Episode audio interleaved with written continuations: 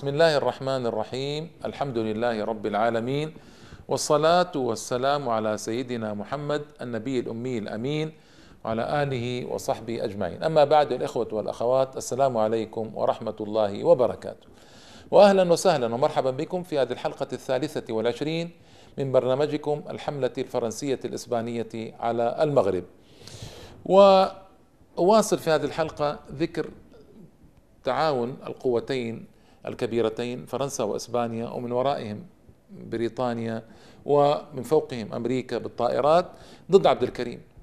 وقذف القنابل من الطائرات وإبادة الأطفال والنساء والشيوخ العزل المدنيين يعني الرمي بالغازات السامة والغازات الكيميائية القتل العام في الريف وفي مناطق عبد الكريم دخلوا عاصمته أجدير وأحرقوها وأحرقوا بيته. يعني فعلوا كل نقيصة وقبيحة. آه، آه، يعني فعلوا أشياء عجيبة جدا. وأنا أتعجب لماذا لم تطالب الحكومة المغربية بتعويضات؟ لأن الغازات السامة إلى الآن إلى يوم الناس هذا مناطق شمال المغرب متضررة من الغازات السامة. لماذا لم تطالب الحكومة المغربية بتعويضات جسيمة؟ اليهود اليهود يأخذون اليوم تعويضات من ألمانيا. بدعوى كاذبة أن قتل حرق لهم ستة ملايين يهودي وما حرق حتى ستمائة ألف ما حرق. كذابون. ومع ذلك يبتزون ألمانيا تدفع لهم مليارات كل سنة. وعجيب أن المغاربة والحكومة المغربية ما تقدمت طلب تعويضات. تعويضات عن هذه الجرائم العجيبة. الأسلحة الكيميائية والغازات السامة المحرمة دوليا والقنابل المحرمة دوليا ترمى على الأطفال والنساء والشيوخ و... وما أدري. يعني كان ممكن فرصة كبيرة جدا للحكومة المغربية إلى يوم الناس هذا الفرصة موجودة. أن تقدم طلب تعويضات.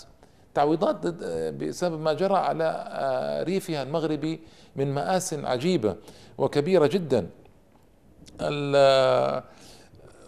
طبعا الخطابي ما يريد أن يبيد كل السكان ولا يريد أن تستمر الغازات السامة لتحرق الريف كله.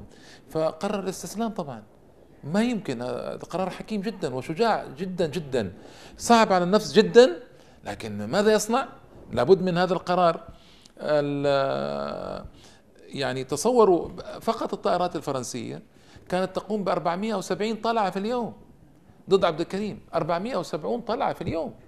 ضد عبد الكريم الخطابي. والسواحل المحاصرة وال ممنوع دخول الحبوب ممنوع دخول الطعام ممنوع شيء. حصار حصار عجيب يعني. فما يستطيع ما يستطيع عبد الكريم أن يستمر أكثر من ذلك.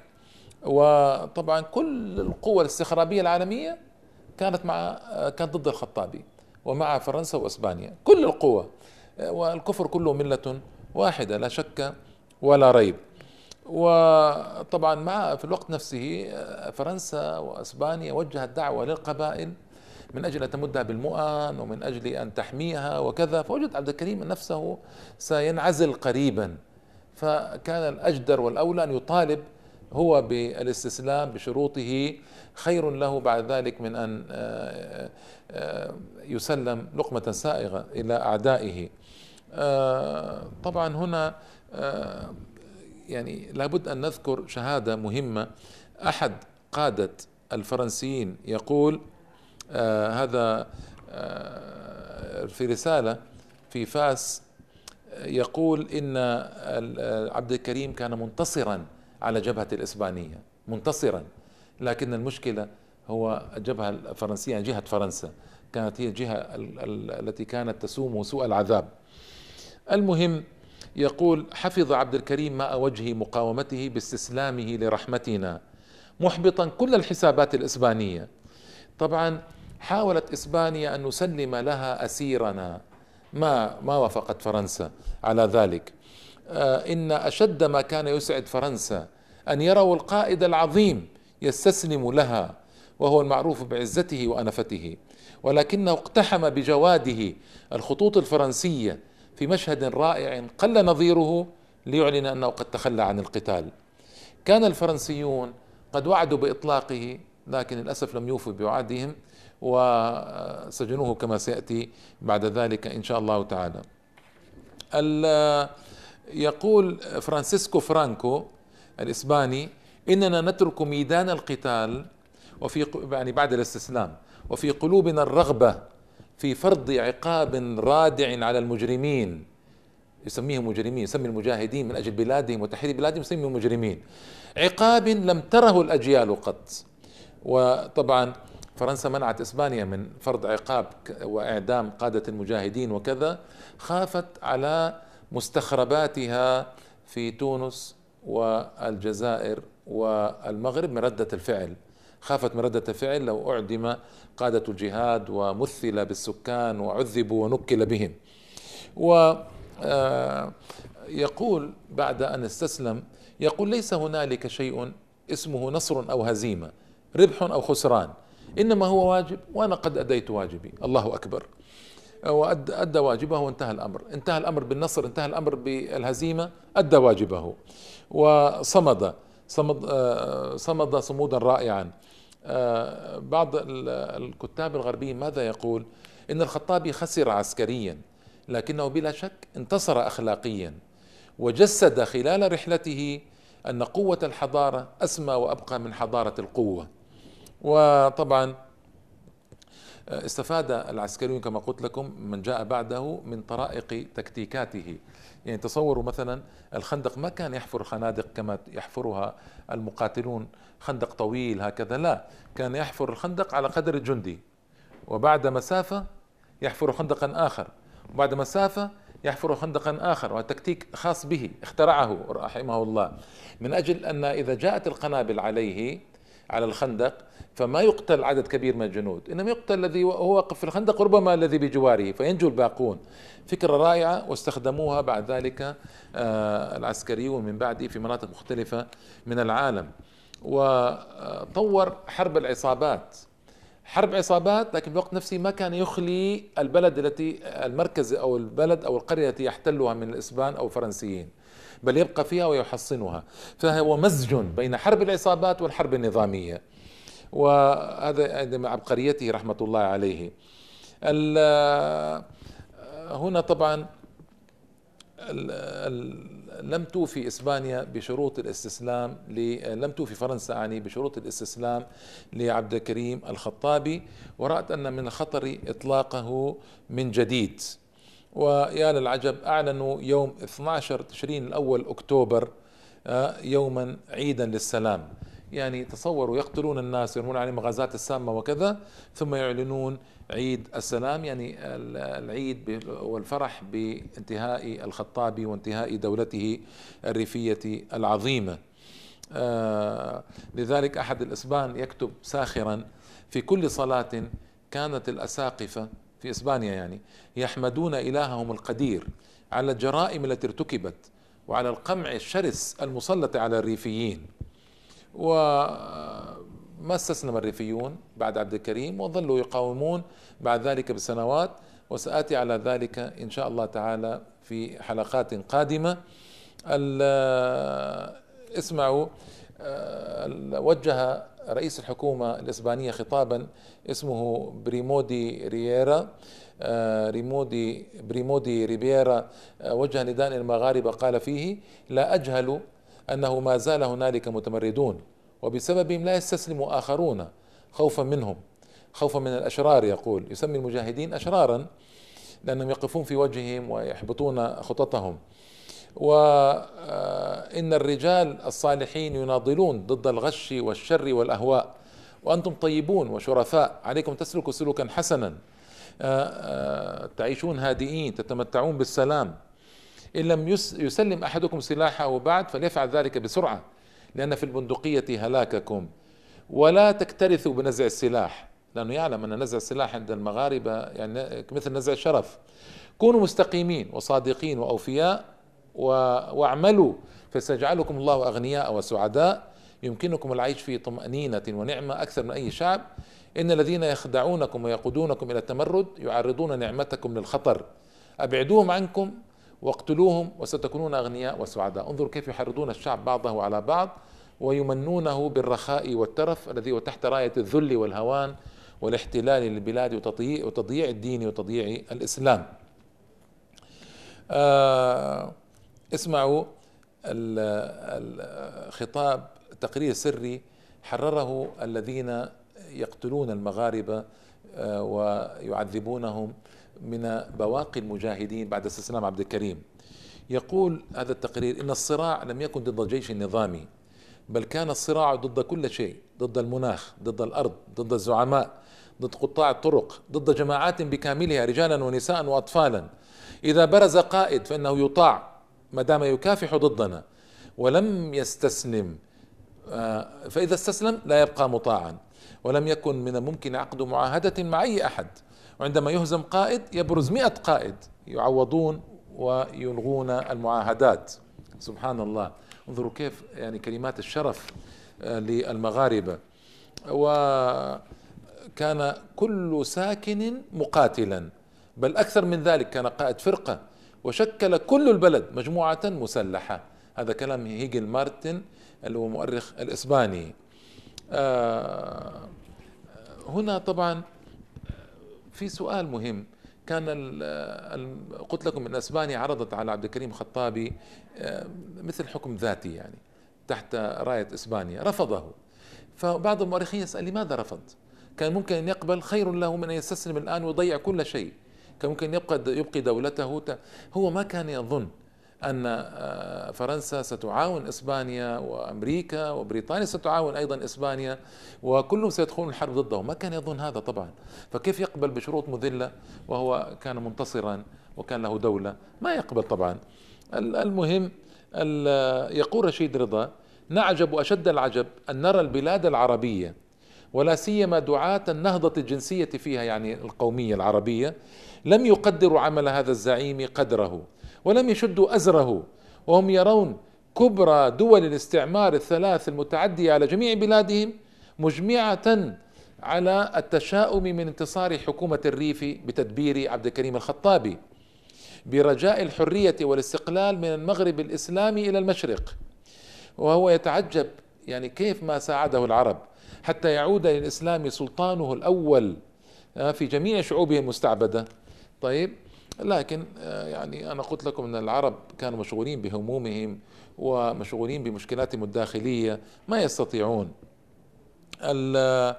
أيضا ما خطر ببال عبد الكريم أن فرنسا ستطلب من السلطان المغربي أن يعلن أن الخطابي أحد العصاة الخارجين عليه.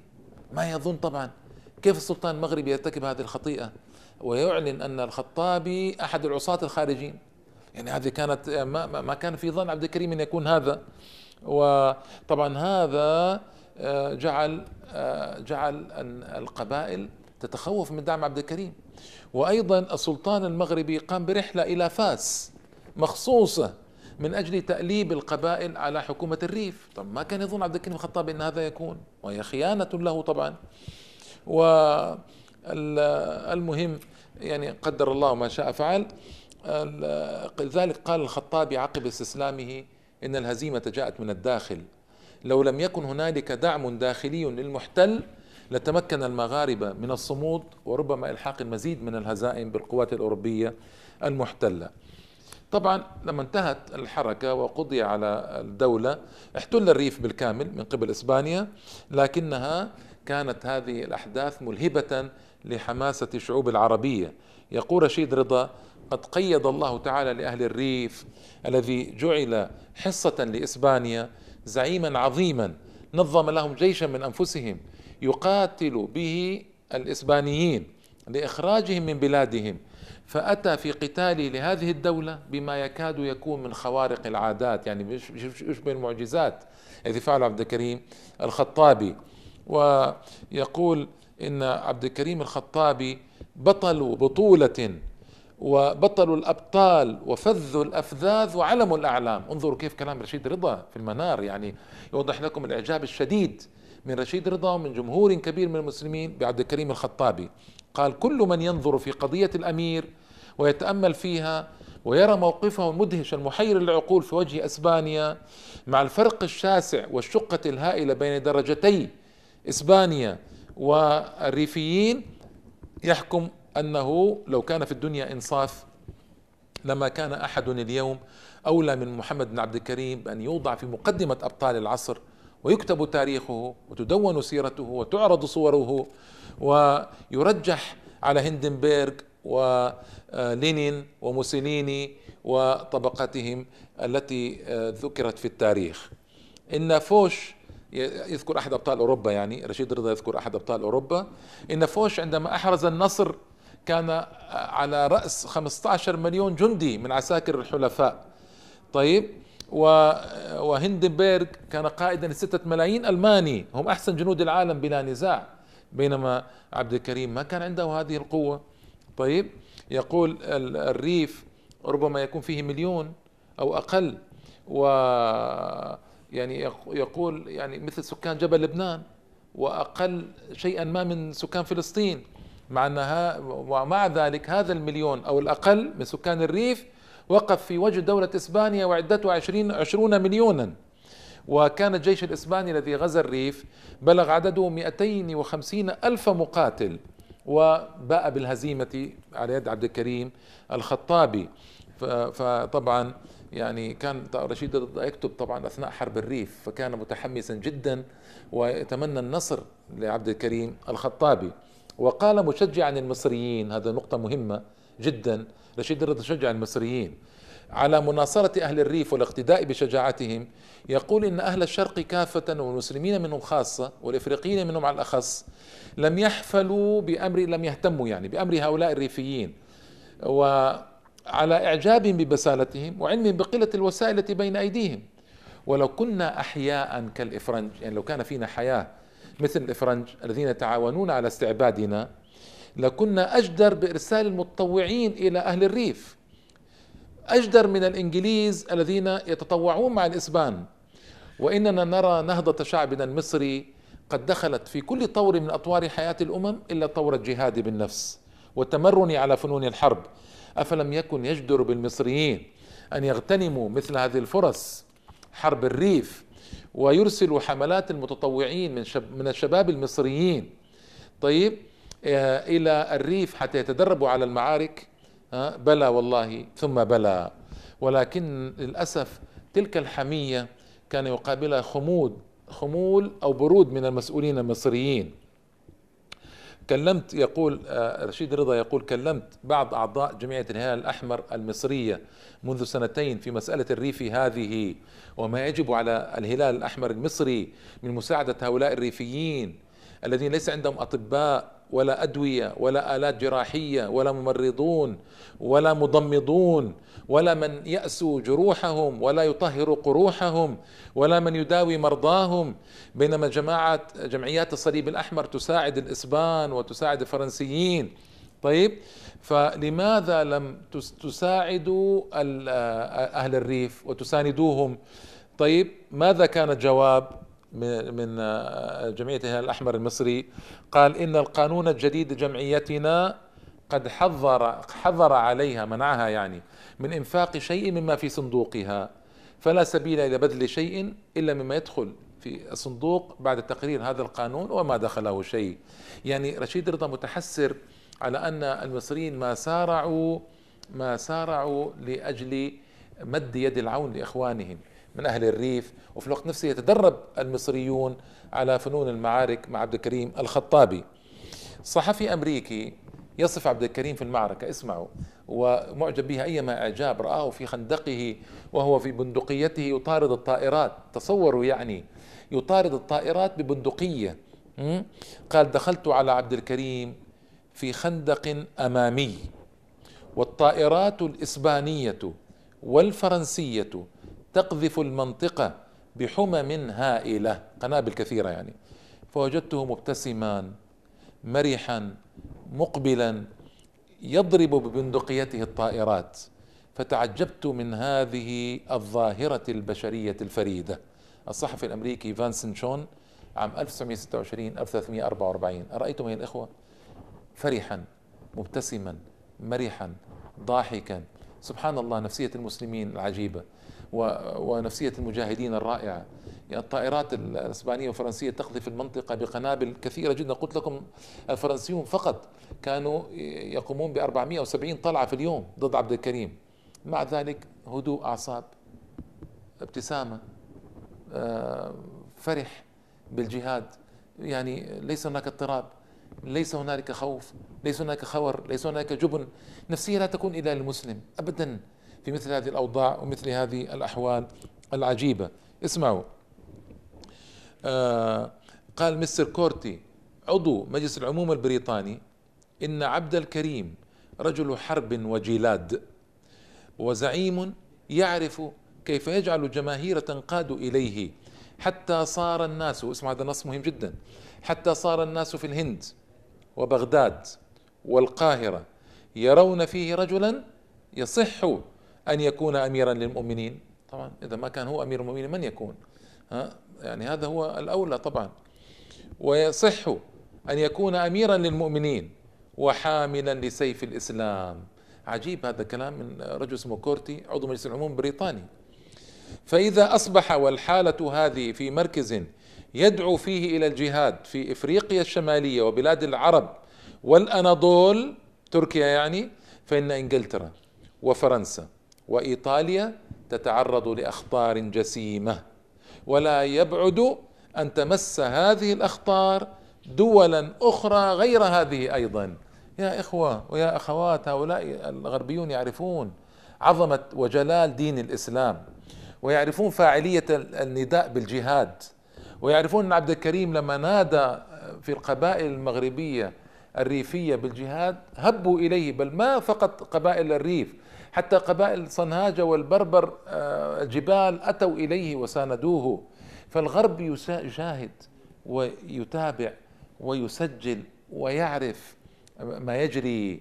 فيعني لا تظنوا أن مسألة هكذا لا مسألة مدروسة وبقوة. وكلام كورتي مهم جدا جدا. جدا. آه، أنا اعيد فقط جملة الأخيرة. طيب إذا أصبح والحالة هذه يعني عبد الكريم في مركز يدعو فيه إلى الجهاد في إفريقيا الشمالية وبلاد العرب والأناضول فإن إنجلترا وفرنسا وإيطاليا تتعرض لأخطار جسيمة.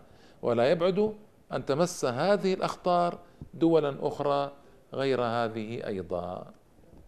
هذا كلام. ما بعده كلام أوضح من كل وضوح. طبعا آه، عرضوا عليه المناصب عرضوا عليه الأموال وعرضوا عليه الحكم الذاتي عرضوا عليه كل شيء ممكن. والاموال التي عرضت عليه أموال ضخمة جدا. ارتفع وارتقى على هذه الإغراءات كلها. هذا ليس بالسهل أيها الإخوة. كم من قائد وكم من زعيم وكم من مجاهد سقط في فتنة المال أو فتنة النساء أو فتنة المنصب أو فتنة الجاه. لكن عبد الكريم ابدا صبر وثبت على كل ذلك وما كان يقبل. يعني حتى من عجيب هنا خبر البرلمان الهندي البرلمان الهندي رصد له منحة خاصة. طيب منحة خاصة لأن البرلمان كان يساند الحركات التحريرية تلك الأيام وكانت حركات غاندي والتحرر من من بريطانيا وكذا. فرصد له مبلغا خاصا. طيب رفض الحصول عليه. يعني رجل عزيز النفس أنف وفعل كل ما في إمكانه وجهده. يعني فعل كل ما يستطيع. ما استطاع أن يفعل أكثر مما صنع وأعلن الاستسلام الشجاع القوي. ماذا بعد الاستسلام؟ حياة أخرى حياة رائعة. سآتي عليها في اللقاء القادم إن شاء الله الحلقة القادمة عاش حياة جليلة بعد استسلامه. وفيها قوة وفيها عمل وفيها جهاد وفيها بذل وفيها تضحية. كذلك الرجل العظيم. لا يمكن أن يسكن ولا يمكن أن يسكت على ظلم ولا ضيم. الرجل العظيم هو الذي ينصر دينه وينصر أمته وينصر آه، قومه ويفعل كل ما يستطيع ويسلم الأمر لله. ما شاء الله لا قوة إلا بالله. رحمة الله على هذا الرجل العظيم. حلقة القادمة سآتي على ما صنعه بعد استسلامه وغدر فرنسا به ونفيه إلى جزيرة بعيدة. والسلام عليكم ورحمة الله وبركاته.